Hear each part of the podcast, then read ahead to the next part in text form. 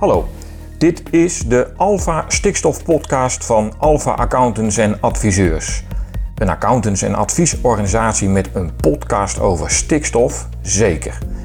Het is namelijk een grote uitdaging voor boeren op dit moment en een van de belangrijkste factoren voor bedrijfsontwikkeling. Het stikstofdossier leidt tot veel vragen en in deze serie podcasts willen we daar antwoord op geven. Beste mensen, fijn dat jullie luisteren naar alweer de zevende Alpha Stikstof podcast. Dit keer ben ik op bezoek op het melkveebedrijf van Marjolein Fijken en Wim van Tilburg in het Groningse Siddeburen. Met Marjolein ga ik praten over verlaging van het ruwe eiwitgehalte in het rantsoen um, als deelnemer aan het project Koe en Eiwit. Scherp voeren en goed boeren staat er op de site van dit project, waarbij 155 melkveehouders toewerken naar een ruw eiwitgehalte van 155 gram in het rantsoen, waarbij ze worden begeleid door voeradviseurs en dierenartsen. Nou is verlaging van het ruw eiwitgehalte een belangrijke managementmaatregel om de stikstofuitstoot op je bedrijf te verlagen, zeker in combinatie met weidegang.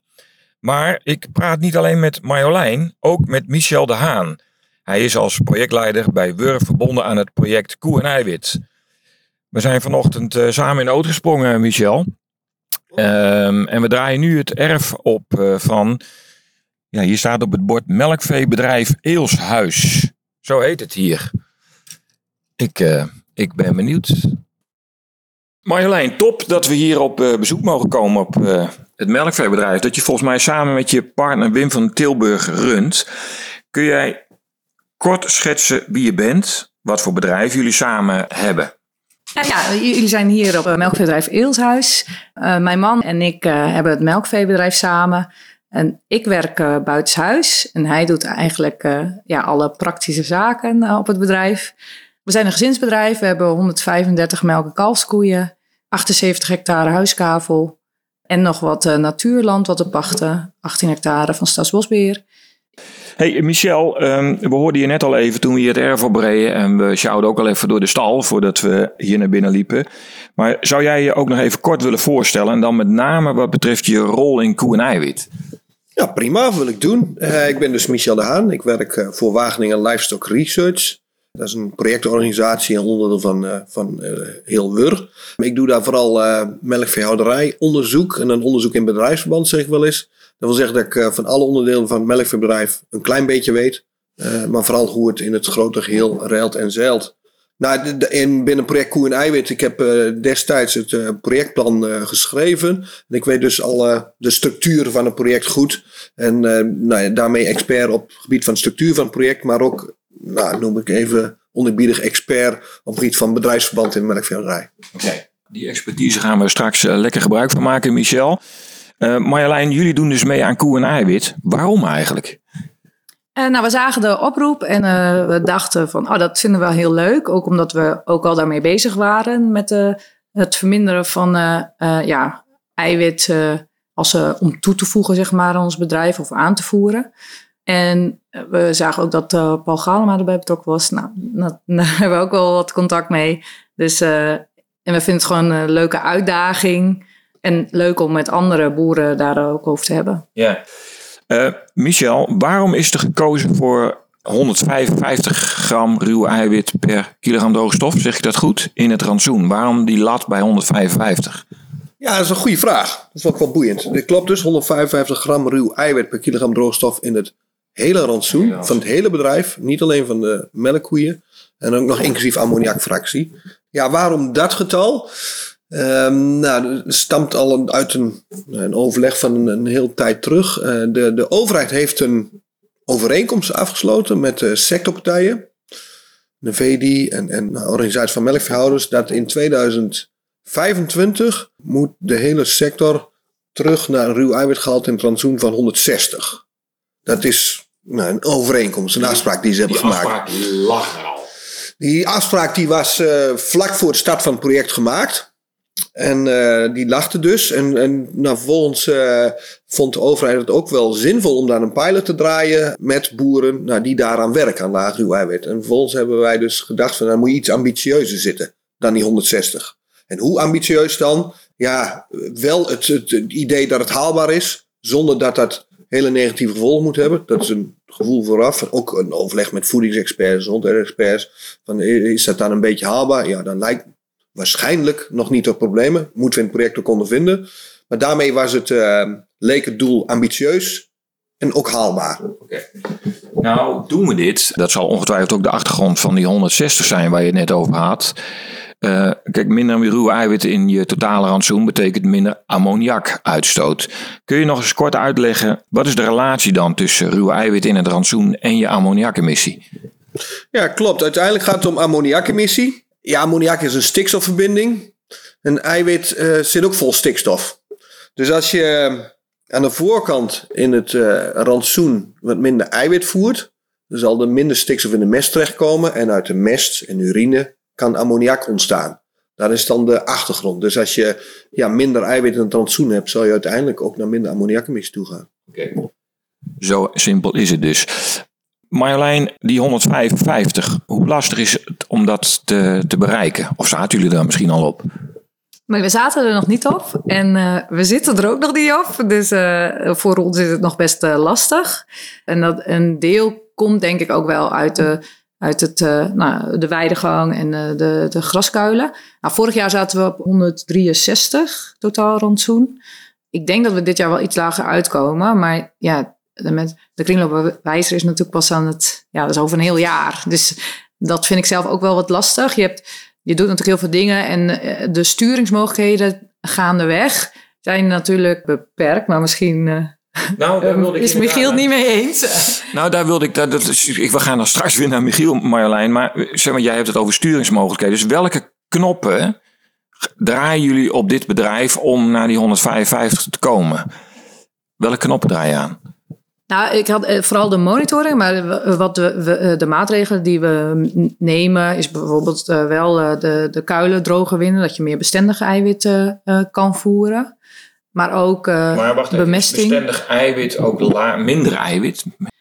Um, zegt iets over de nou, kwaliteit? Nou, ja, het zegt iets over de kwaliteit en dus ook wat je daar tegenover moet zetten of wat je daarbij kan voeren. Uh, dus in die zin is het wel, uh, wel nou ja, benutbaarder voor de koe, mhm. zeg maar. Laat ik het maar zo zeggen. maar ook water bij de mest, minder mest in het uitrijden per keer kunstmest verminderen en ook lagere giften geven. Zodat je ja, minder pieken hebt eigenlijk. Ja, en volgens mij passen jullie dag en nacht weidegang toe? Ja. Waarom doen jullie dat trouwens? Omdat het kan. ja, nou ja, dit is wel, we, uh, ja, we zijn wel echt een weidebedrijf. Tenminste, zo zien we ons graag. En uh, ja, we vinden dat uh, leuk om te doen. Uitdagend om te doen. Mm -hmm. En het past gewoon bij dit bedrijf. Ja, maar nou, toch heb ik nog geen antwoord op de vraag. Zeg maar, welke knoppen draaien jullie om tot die 155 te komen? Je schetst het hele bedrijf, een dag en nacht weiden en andere dingen die je, die je doet. Eigenlijk allemaal managementmaatregelen om je ammoniakemissie te verlagen. Uh, maar specifiek die 155 ruwe eiwit, aan welke knoppen draaien jullie nu? Nou, waar we ook, uh, zoals het aanvoer van de krachtvoeders, daar, daar wordt natuurlijk heel goed op gelet. Maar we voeren bijvoorbeeld ook wel bijproducten. Mm -hmm. um, dat vond ik wel een grappig verhaal. We hadden laatst, uh, wilde Wim ook bijproducten bijkopen. En uh, toen belde hij de vertegenwoordiger en die zei, ja, ik heb nog wel een product. Nou, die wil ik wel hebben. Nou, Wim kende het niet, dus hij zei van, nou, is goed. En toen ging hij zich erin verdiepen en toen zag hij dat het een heel hoog ruw eiwitgehalte had. Dus hij belde weer terug en zei van, nou ja, ik had gezegd, ik wil niet een hoog ruw eiwit en ik wil graag een energieproduct. En dat is dit niet. Nee, nee, oh nee, nou ja, heel goed, dan, dan, dan komt het niet. Nou, en vervolgens belt die uh, vertegenwoordiger ongeveer uh, twee uur later weer op. Ja, ik ben net gebeld en uh, nu kan ik het aanbieden, want voor korting en wil je het dan toch niet hebben? Nou, toen zei weer nee, ik wil het niet hebben. Dus het is ook wel, ja. En, het is een mindset. Ja, dus als je zegt van nou, wat, dat is denk ik wel een concreet voorbeeld. Je, wordt je wordt toch wel soms wat verleid om dingen, ja, op je bedrijf toe te laten, wat dan niet bijdraagt aan een lager ruw eiwit. Mm. Maar dus, nou ja, Wim is dan wel zo dat hij heeft gezegd, nou dat doen we niet. En nu komt er dus wel een energieproduct. Ja. Nou, je, je past ook weidegang toe, hè? is het, last, is het dan lastiger om die 155 ruw eiwit uh, te realiseren? Dus hoe stemmen jullie uh, je versweidegas af op de bijvoeding? Ja, maar krijgen die koeien eigenlijk bijvoeding in de stal als ze dag en nacht buiten zijn? Ja, we, we, we, sturen wel een beetje bij. Of ja, op, uh, als ze echt nou, vol in de weidegras zit, dan is dat natuurlijk wel moeilijker. Mm. maar we hebben wel mais ook. Dus we, we hebben wel, we kunnen gelukkig ook mais verbouwen, laat ik het maar zo zeggen. En dus dat wordt ook in de zomerperiode naast de weidegang op stal bijgevoerd. Alleen mais of ook voordroogkuil? Uh, nee, als ze echt dag en nacht naar buiten ja. gaan, dan krijgen ze alleen maar de mais. Dus zoals nu zijn ze dag en nacht buiten?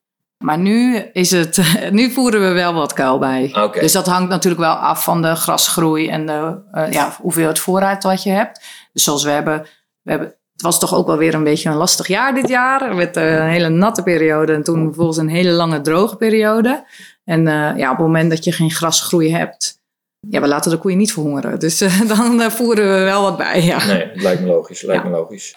Michel, kun je eens opzommen aan welke knoppen ik als melkveehouder nou kan draaien? Eigenlijk vanuit de theorie om mijn ruw eiwitgehalte te verlagen tot die 155 RE. Ja, daar kan ik wel wat over vertellen. Ehm, in principe staat vanuit de theorie niet zo ingewikkeld. Want je hebt uh, voedermiddelen, graskuil, vers gras, mais, krachtvoer, overgruwvoer, wat bijproducten. Uh, in een bepaalde hoeveelheid die je voert. En aan de andere kant heb je gehalte. Uh, vers gras heeft een gehalte, ik noem maar wat, van 185 gram ruw eiwit. mais een heel stuk lager, 70, graskuil, nou dat zal ook 60 zijn. Nou, en krachtvoer heeft ook een bepaald gehalte. En dat kun je dan met elkaar uitvermenigvuldigen. En dan kom je op een gehalte van 155 uur eiwit. Dus je gaat spelen met gehalte en hoeveelheden. Maar waarom is het dan toch zo lastig? Want ik hoorde Marjolein net zeggen, nou, uh, dat is de theorie. Ja. Maar in de praktijk is het nou zo lastig. Wat maakt het zo moeilijk? Ja, dat, dat is ook een hele mooie. Uh, het project is ook een beetje opgezet met uh, negen groepen of negen klassen melkveehouders. Dus verschillende grondsoorten, klei, veen en zand. En ook verschillende intensiteiten. En als ik even uit mijn hoofd zeg, Marjolein zit in de groep klei extensief. Ja. Ja, ze knikt, dat is mooi. Dat wil eigenlijk zeggen dat je, nou je zit van de grondsoort klei en extensief wil zeggen uh, dat je ja, eigenlijk al je voer zelf teelt. En als ik hier naar buiten kijk, jullie hebben ook vooral gras en graskel en geen mais. Dus er wordt het aantal vrijheidsgraden om aan te draaien met ruw eiwitgehalte wordt alweer een stuk minder. Dus je hebt vooral te maken met gras, vers gras, graskuil ja, en, en wat krachtvoer wat je bijvoert. En graskuil en vers gras hebben een vrij hoog ruw eiwitgehalte. Ja. Maar wat kun je dan toch doen? Dan ga ik even naar jou Marjolein om dat te verlagen. Ik kan me voorstellen dat dat bijvoorbeeld consequenties heeft voor de manier waarop je je gas bemest. Ja, dus uh, daar houden we ook uh, rekening mee. Dus minder drijfmest, verdunnen. Dus dat het ook, uh, ja. Ja, dat vertelde je al. Ja, mm -hmm. en ook de, de, de kunstmestgift verlagen of verminderen. Ja, maar dan nog is het blijkbaar dus lastig om bij die 155 uit te komen. Wat zou je nog meer kunnen doen om dat streefgetal wel te halen?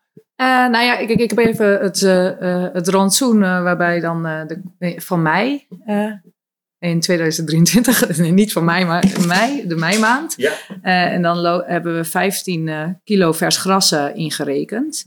Um, en die hebben we dan op 200 ruw eiwit gezet.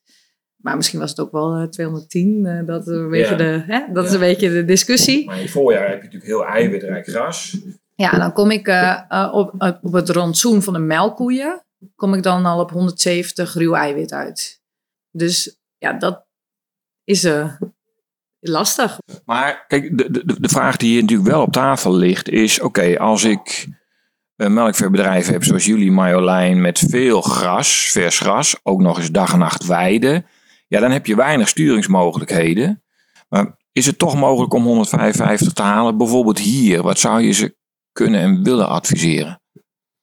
Nou, ja, je hebt uh, in ieder geval uh, uh, verschillende periodes in het jaar. Je hebt verschillende diergroepen. In de periode die Marjolein net schetste van in het mei. voorjaar, ja, mei. Ik heb met dat uh, hoogruw eiwitgras te maken. Ja. In principe, en dat zullen ze ook doen, ga je van tevoren nadenken van ja, waar wil ik mijn ruw eiwitgehalte in het gras op hebben? Wil ik dat wel op 200 hebben of wil ik dat misschien wel op uh, 180 hebben? En hoe ga ik dat organiseren?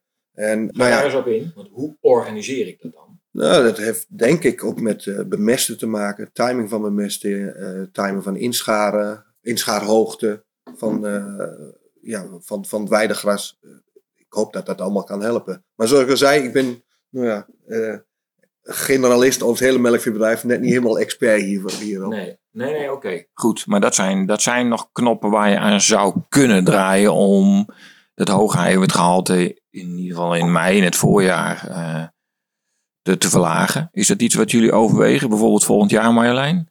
Nou, ik denk, ja, nou ja, goed, dat is ook afwachten wat dit, dit jaar natuurlijk uitkomt uit het eh, totale rantsoen. Want dat is zo, het, de kringloopwijzer rekent natuurlijk het totale rantsoen uit. En dan eh, de, de droogkoeienrantsoen bijvoorbeeld zit, al, zit sowieso al lager. Maar ook, eh, eh, ja, dat, eh, ja, je kan, op een gegeven moment houdt het wel op met wat je kan sturen.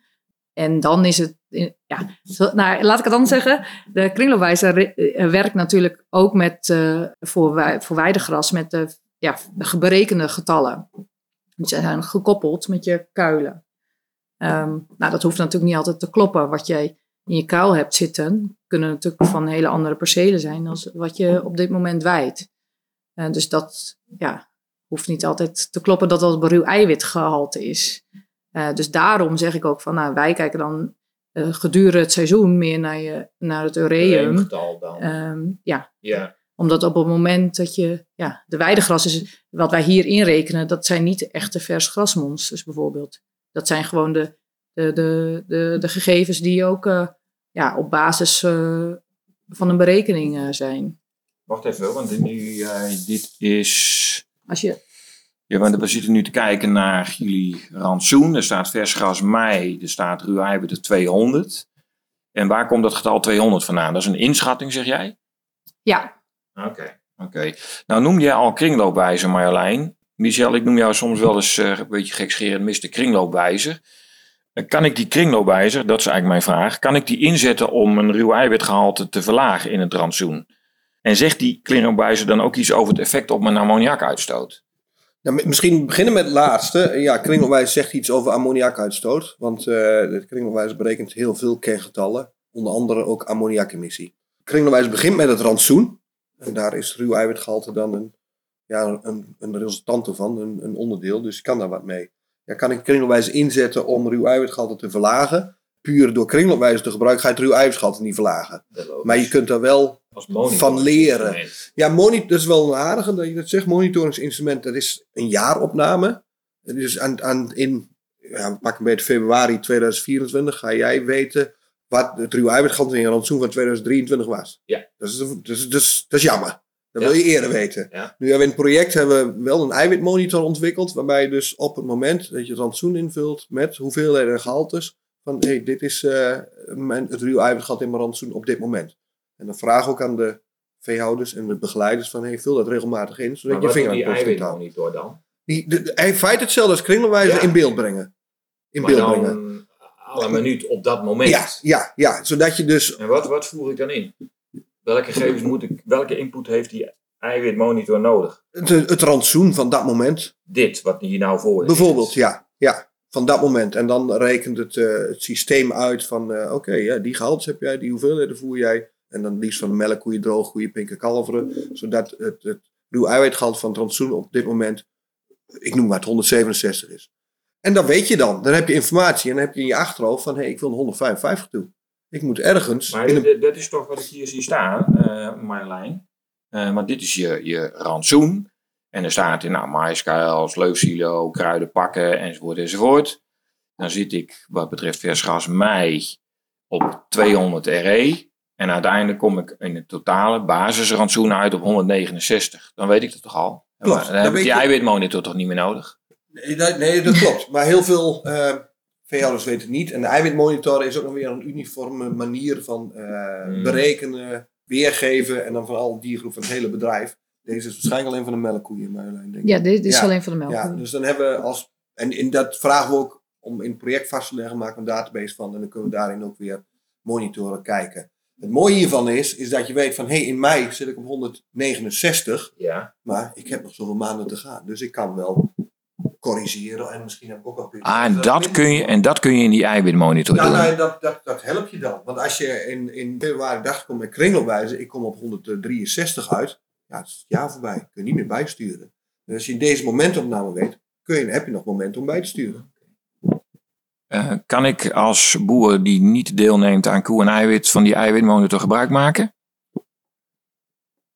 Uh, op dit moment uh, is hij niet breed uitgerold, maar dat is wel een mooie ambitie. Een grote kans dat we dat voor het eind van het project wel gereed klaar willen maken. Ja. Dat lijkt me ja, ja. buitengewoon handig. In andere projecten wordt er overigens ook wel gebruik van gemaakt, maar het is nu nog vooral in projecten. Ja. Oké, okay. Marjolein, nou, kijk, we hebben het um, concreet over het verlagen van het ruwe eiwitgehalte in, in het rantsoen in combinatie met weidegang. En dan doen jullie ook nog eens dag en nacht weiden. Um, maar al deze managementmaatregelen, gericht op verlaging van je ammoniakemissie, ja, die worden eigenlijk nauwelijks gehonoreerd door het beleid. Um, dus wat heb je eraan om dit allemaal te doen? Wat levert het je op? Um, nou ja, dat is een hele goede vraag eigenlijk. ja, wij vonden het gewoon wel een leuke uitdaging, denk ik. Uh, omdat uh, ook, en dat, hoop ik ook wel een beetje, uh, omdat we dan, daarom doen we ook mee aan het project, om te kijken van, nou ja, en heeft het nou invloed bijvoorbeeld op de melkproductie? Um, ja, wij hebben wel het idee dat, dat, dat het um, invloed heeft, zeg maar. Nou ja, dat is maar de vraag of wij het enige zijn in dat hele project of dat er meer zijn. Dus uh, uh, we hebben er eigenlijk in die zin uh, nou, niks aan.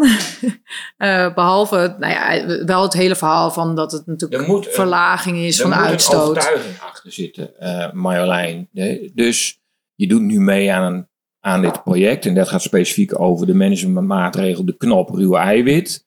Maar je gebruikt ook de knop weidegang, fors zelfs, dag en nacht weiden. Je gebruikt ook de knop water bij de mest. Je gebruikt ook de knop wat minder kunstmest gebruiken. Dus dat zijn allemaal managementmaatregelen, bronmaatregelen in jargon. Ja, die leiden tot uh, minder ammoniakemissie. Maar dat wordt niet gehonoreerd. Er moet een soort grondgedachte onder dit bedrijf liggen waarom jullie dit allemaal doen. En wat is die grondgedachte? De basisgedachte.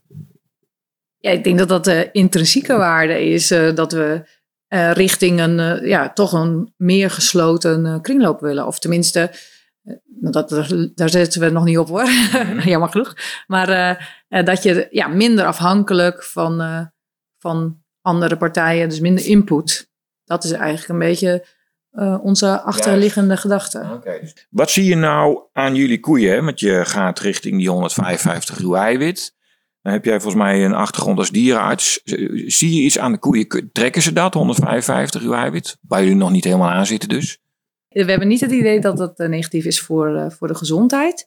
We zitten ook in het onderdeel uh, van koe en eiwit heeft ook nog een apart onderdeel voor, voor een aantal veehouders, of twintig zijn het volgens mij, twintig veehouders die ook de gezondheid monitoren. Dat, dat is bijvoorbeeld ook uh, dat er wordt gekeken naar de, specifiek de droge koeien en ook het kalven en uh, de, de biesproductie en de bieskwaliteit. Omdat daar natuurlijk ook wel um, nou, heel veel onderzoeken van zijn dat als je ruw eiwit verlaagt in het uh, drooggroeirantsoen, dat de bieskwaliteit onder druk komt te staan. Nou, nu gaat dat best wel goed bij ons, en maar wij hebben ook al jaren een vrij laag ruw eiwitgehalte in de, in de drooggroeirantsoen. Nou, jullie hebben het gezien, ja, geloof ik.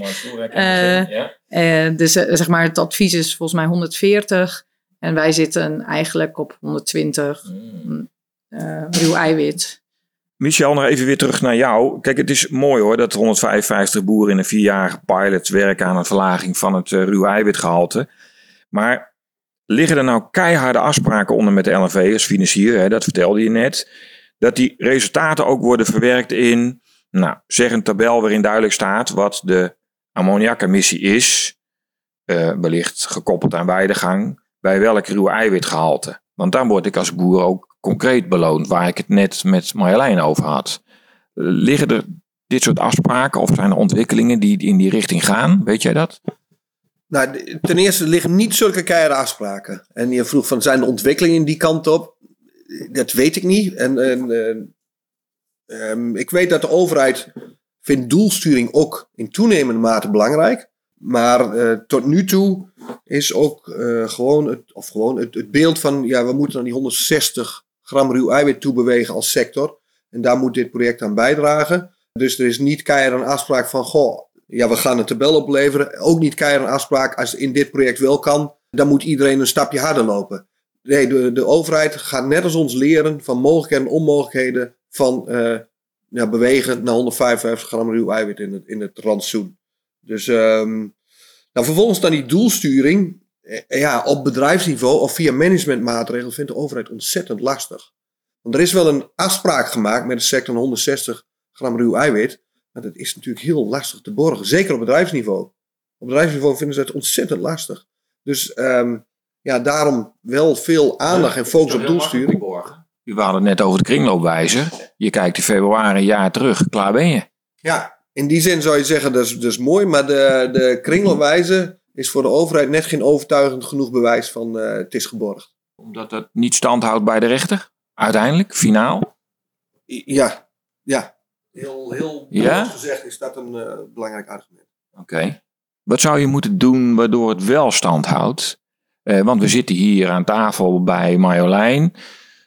Wim die is net buiten, of is het met zijn maaien? Ja, nou is Wim niet volgens mij nu een rode trekker met de maaien. Komt net langs. Nou, die echt zeg maar de intrinsieke waarde, de basisgedachte hebben van uh, kringlopen. Wat jij net vertelde, Marjolein. Het zou toch wel fijn zijn als dat op de een of andere manier wordt erkend, gehonoreerd. En als alles maar stuk loopt bij, het, uh, bij de rechtbank, dan, dan, zijn we, dan zijn we toch niet goed bezig. Wat kunnen we doen om het wel staande te houden voor het, bij de rechtbank? Ja, dat is best complex. En volgens mij is dat ook de reden dat, uh, nou ja, dat de overheid ook steeds meer naar doelsturing toewerkt. Of de, de, de, over doelsturing wil praten. Want eigenlijk weten ze dat ook niet goed. Uh, en we niet goed. En dan moeten we best wel met elkaar in, in overleg, in, in conclave. Misschien moeten we sommige dingen eenvoudigen, zodat uh, een bepaalde invoer wel borgbaar is. Hmm. Misschien moet uh, de doelsturing ja, een lichte vorm van doelsturing zijn en niet een super zware vorm van doelsturing. Nou, er zijn allerlei mogelijkheden en gedachten, maar het is niet meer zo even uitgewerkt. Ik wil naar het einde van de podcast beginnen met jou, Marjolein. Wat zou jij nou collega-veehouders mee willen geven met betrekking tot het verlagen van je stikstofuitstoot, ammoniakemissie op je bedrijf. Jullie doen heel veel dingen. Wat zou jij nou collega's mee willen geven? Nou ja, onze intrinsieke motivatie is ook voor nou ja, doe vooral waar je heel veel plezier in hebt, want dan hou je het langst vol. Ja, ik denk, nou, nou, ergens denk ik ook dat we het misschien al veel beter doen dan dat het op papier is. Maar dat is misschien heel gevaarlijk om te zeggen. Waarom zeg je dat dan? Ja, nee, dat, ja, dat is meer een geloof dan dat ik het weet, zeg maar. Nou ja, en dan met name ook in het, op dat gebied van de weidegang. Ik denk dat dat nog best wel een black box is. En we weten ook wel, er zijn ook al wel nou, onderzoeken die inderdaad het, het, het gunstige effect daarvan aangeven op het gebied van ammoniakemissie. Ja. En ik begreep dat dat ook nog niet helemaal verweven is in de kringloopwijzer. En ik, ja, ik zie ook bedrijven die uh, heel veel gras, vers gras in de koeien krijgen. Met heel weinig input van buitenaf. Uh, maar die dan nou ja, op het gebied van de kringloopwijzer en, uh, en, dan niet eens zo gunstig uitkomen. En dan denk ik, ja. Dat kan niet waar zijn, denk je dan. Nee, dat, ja, ja. ja, Als ik dat, de externe input er niet in stop, dan, uh, dan, dan kan het toch niet zo zijn dat die getallen uit de kringloopwijzer rollen. Dan laten we de discussie over de kringloopwijzer niet gaan houden, we zitten hier over een half uur zeker weten nog. Uh, Michel, voor jou dezelfde vraag. Wat zou jij melkverhouders mee willen geven met betrekking tot het verlagen van je ammoniakemissie via managementmaatregelen? Dus dat is even breder dan alleen maar ruw eiwit. Ja, nee, helemaal goed. Als je de, de uit, over uit bent dat je je ammoniakemissie wilt verlagen, dan, dan vind ik het wel raadzaam om te beginnen met je rantsoen. Want die ligt waarschijnlijk het dichtst bij je als boer en als manager. Uh, en waarschijnlijk ook tegen de minste kosten. Want eh, nagenoeg alle andere maatregelen eh, betekenen waarschijnlijk meer werk, meer inspanning en meer kosten. Dus dit is waarschijnlijk een, ja, een, een, maatregel die dichtst bij laaghangend fruit komt. Oké, dus dat is het eerste waar je eigenlijk aan moet denken. Ga, Vind ik wel, doe dat. De eerste knop waar je aan moet draaien is ruw eiwit. Ja, ja ruw eiwit. Of in ieder geval de voeding. En uh, meer energie voeren, meer DVE, minder OEB. Maar kijk naar je eiwit, naar je rantsoen en probeer dat te beïnvloeden. En daar word je denk ik als, uh, ja, als boer, als manager ook beter van. Want ik vermoed dat je ergens ook kosten kunt besparen. Nou, dank voor jullie toelichting op uh, deze boeiende materie. En hier kunnen we nog uren over doorgaan, maar laten we dat niet doen. Wat ik hier aan overhoud is dat je kunt aan allerlei knoppen draaien om via management je ammoniakemissie te verlagen. En jij zei net, de meest logische eerste knop is rantsoen. Uh, en dat vertalen we nu dan in ruw eiwit. Maar alleen die knop, dat is al best lastig, afhankelijk van waar je boert en hoe je boert. En hier is het op klei extensief, uh, dus veel vers gras. Dus dan is het al, al, al, al lastiger. Maar het, het, het, het kan dus wel. En dat hou ik hier aan over. Dat kan dus zeer zeker wel. En nou, die pilot is net begonnen. Hij duurt vier jaar. Dus we gaan het, uh, we gaan het zien. En een belangrijke next step is volgens mij heel erg, dat trek ik het breder, is dat aan al die knoppen die we draaien, dat het ergens terugkomt in het beleid. Hoe dan ook. Uh, want anders zijn we met z'n allen leuk bezig. Maar wat heb ik er dan uiteindelijk aan? Uh, dus dat wordt nog wel spannend, denk ik. Goed, nogmaals, dank. Fijn dat je hebt geluisterd naar deze aflevering van de Alpha Stikstof Podcast. Alle afleveringen zijn terug te vinden op www.alpha.nl/stikstof. Heb je nou vragen, opmerkingen of misschien zelfs een suggestie voor deze podcastserie? Mail dan naar communicatie.alpha.nl.